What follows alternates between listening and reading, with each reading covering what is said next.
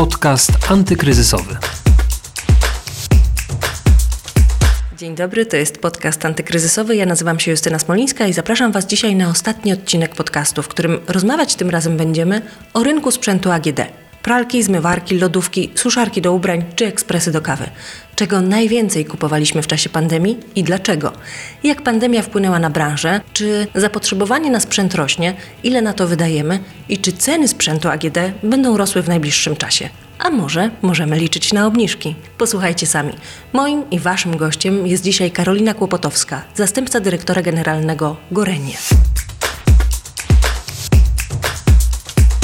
Wpłynęło bardzo pozytywnie, ponieważ tak naprawdę mieszkania, w których przed pandemią głównie, jak się okazało, tylko odpoczywaliśmy, to w czasie pandemii, w czasie lockdownu stały się zarówno biurem, jak i szkołą, e, siłownią, centrum rozrywki, czyli kinem, restauracją.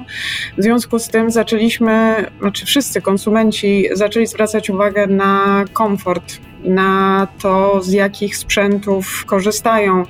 Więc Muszę przyznać, że cała branża RTV i AGD bardzo skorzystała na pandemii. Widzimy dwucyfrowe wzrosty, są kategorie, które nawet wzrosły o trzy cyfry, czyli na przykład suszarki czy pralko-suszarki. To jest e, sprzęt, który wcześniej był naprawdę ignorowany, natomiast się okazało, że w momencie, kiedy spędzamy w domu tak dużo czasu, to jest to urządzenie, które nie tylko oszczędza miejsce, ale też i zdecydowanie poprawia naszą wygodę i wpływa też na żywotność ubrań. W związku z tym, w jaki sposób możemy też potraktować to jako oszczędność, jeżeli dokonamy tego typu zakupu.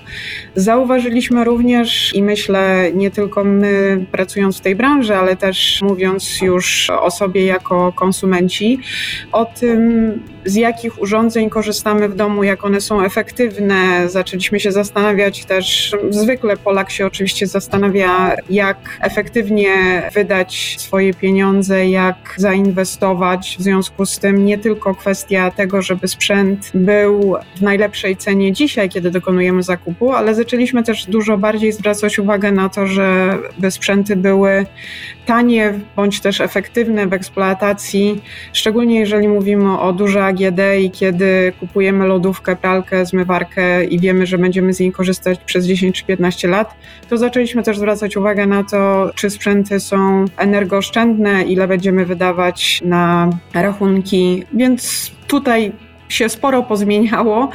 Zauważyliśmy również, i to jest coś, co nie tylko jest w przypadku branży AGD, ale ogólnie konsumenci przenieśli się z offline'u do online'u w momencie, kiedy sklepy, galerie handlowe były zamknięte i zdecydowanie pandemia wpłynęła też bardzo korzystnie na rozwój e-commerce'u i zakupów online. Słyszałam nawet i czytałam, że eksperci szacują, że tak naprawdę w ten jeden rok zrobiliśmy skok o jakieś 3 czy 5 lat, jeśli chodzi o poprzednie szacunki, w jaki sposób będzie się rozwijała sprzedaż w internecie. To co jeszcze kupowaliśmy? Czego kupowaliśmy najwięcej? Czy w czasie pandemii zwiększyło się zapotrzebowanie klientów na konkretne produkty, na przykład czy w związku z przebywaniem w domu, gotowaniem zwiększyło się też zapotrzebowanie na sprzęty kuchenne, ekspresy do kawy, bo kawiarnie były zamknięte.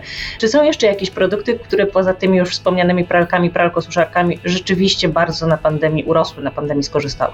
Szczerze mówiąc, to skorzystały praktycznie wszystkie kategorie, dlatego że z jednej strony mówimy o tym dużym AGD, czy właśnie o tych wcześniej wspomnianych pralkach, pralkosuszarkach, czy zmywarkach na przykład, ale z racji tego, że spędzaliśmy tak dużo czasu w domu, to kwestia była też i zwrócenia uwagi na to, jaki mamy telewizor w domu. Na przykład to, co widzimy i obserwujemy przez ostatnie naście miesięcy, to jest znacznie szybszy rozwój sprzedaży większych calarzy. Wiem, że kamerki internetowe i tego typu sprzęty po prostu były wykupywane na pniu i dostawcy nie byli w stanie w którymś momencie ich nawet e, dostarczać wystarczająco dużo. E, wspomniała, zapytała się Pani o kuchnię, o urządzenia małego AGD.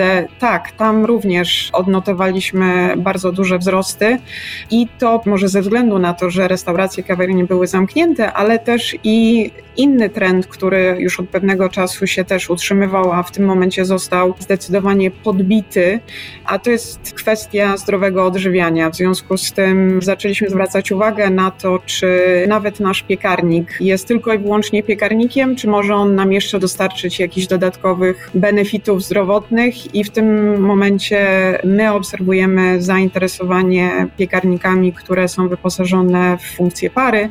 Za chwilę też e, w związku z potrzebą konsumencką. Będziemy wprowadzać na rynek produkty, które będą wyposażone w dodatkowe funkcje typu air fryer, czyli smażenie, pieczenie beztłuszczowe. I ten trend zdrowego żywienia też powoduje e, to, że zaczynamy się zastanawiać nad tym, co w tej kuchni jeszcze moglibyśmy zainstalować, aby nasze codzienne życie nie było tylko łatwiejsze i wygodniejsze, ale też, żeby przynosiło nam jak najwięcej zdrowotnych korzyści.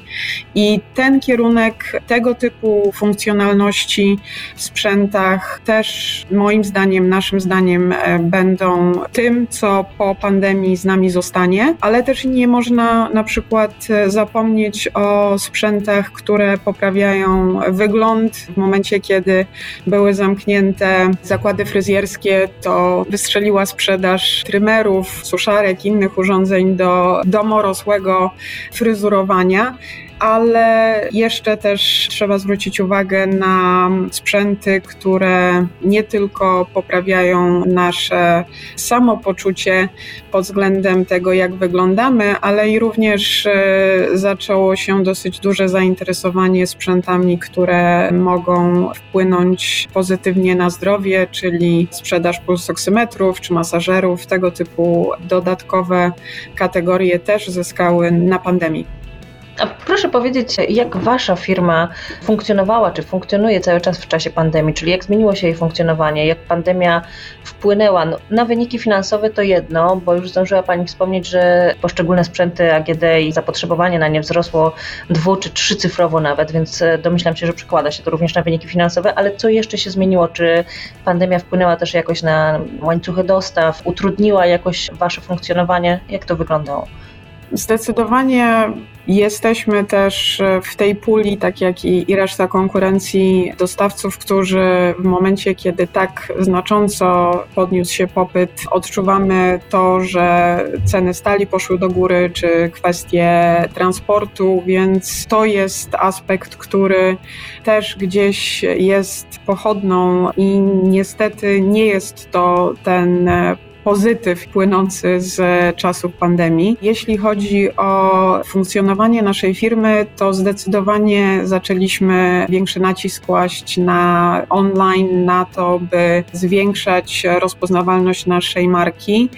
Co do finansowych aspektów, to tak, oczywiście przy takim wzroście obrotów jesteśmy też i bardzo zadowoleni z wyników finansowych, które osiągaliśmy, ale też przy tak dużych przyrostach przyznam, że nasze ambicje rosną w związku z tym na najbliższe miesiące, zarówno pod kątem tego, jakie kategorie się rozwijały podczas pandemii, jak i również szacunków, co zostanie z nami, konsumentami po lockdownach i po obecnym kryzysie. Zmieniamy, dostosowujemy portfolio planowanych wdrożeń nowych produktów i mamy na uwadze właśnie to, by sprzęty, które planujemy wdrożyć, były tym i dostarczały konsumentom tego, co poszukują jak zmieni się ten asortyment, na co się nastawiacie, czego się spodziewacie po tych najbliższych miesiącach? Czy rzeczywiście nadal będzie zapotrzebowanie na przykład w tak dużym stopniu na te pralki,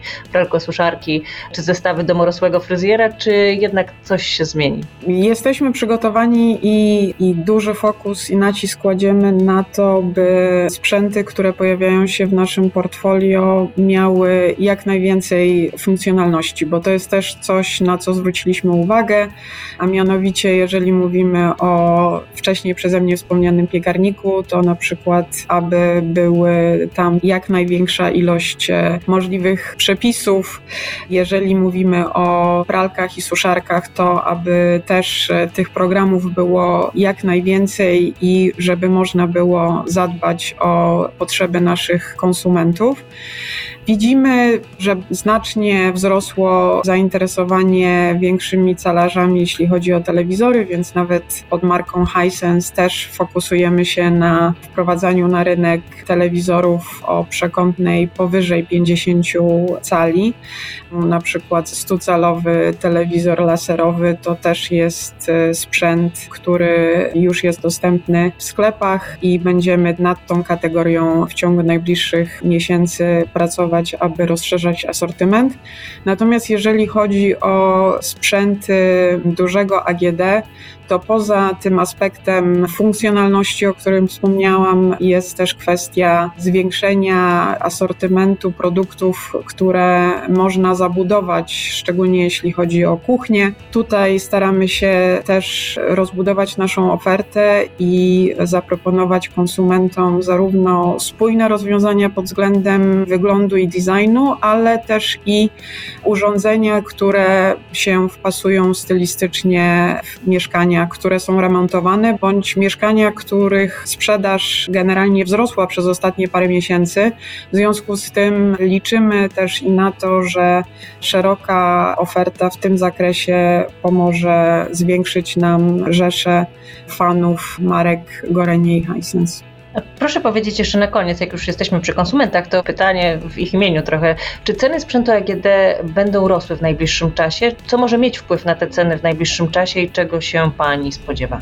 Przez ostatnie parę miesięcy faktycznie obserwujemy podwyżki cen surowców, podwyżki cen komponentów, nawet to, że niektóre komponenty są w pewnym deficycie. W związku z tym to wszystko się przekłada na konieczne podwyżki, na wzrosty cen, więc szacujemy, że najbliższe miesiące to niestety kolejne wzrosty, może nie bardzo radykalne, ale trzeba się liczyć z tym, że ceny będą szły w górę. Dziękuję bardzo za rozmowę. Naszym gościem była Karolina Kłopotowska, zastępca dyrektora generalnego Gorenie. Dziękuję Pani Karolino. Dziękuję ja, do widzenia. W dzisiejszym podcaście antykryzysowym to już wszystko i tym samym był to ostatni odcinek podcastu, który miałam przyjemność nagrywać. Jeśli chcecie posłuchać wszystkich rozmów, to zapraszam Was oczywiście na stronę pb.pl ukośnik antykryzysowy i do Waszych aplikacji podcastowych. Tam znajdziecie wszystkie dotychczasowe odcinki. Bardzo dziękuję i mam nadzieję, że do usłyszenia. Podcast antykryzysowy.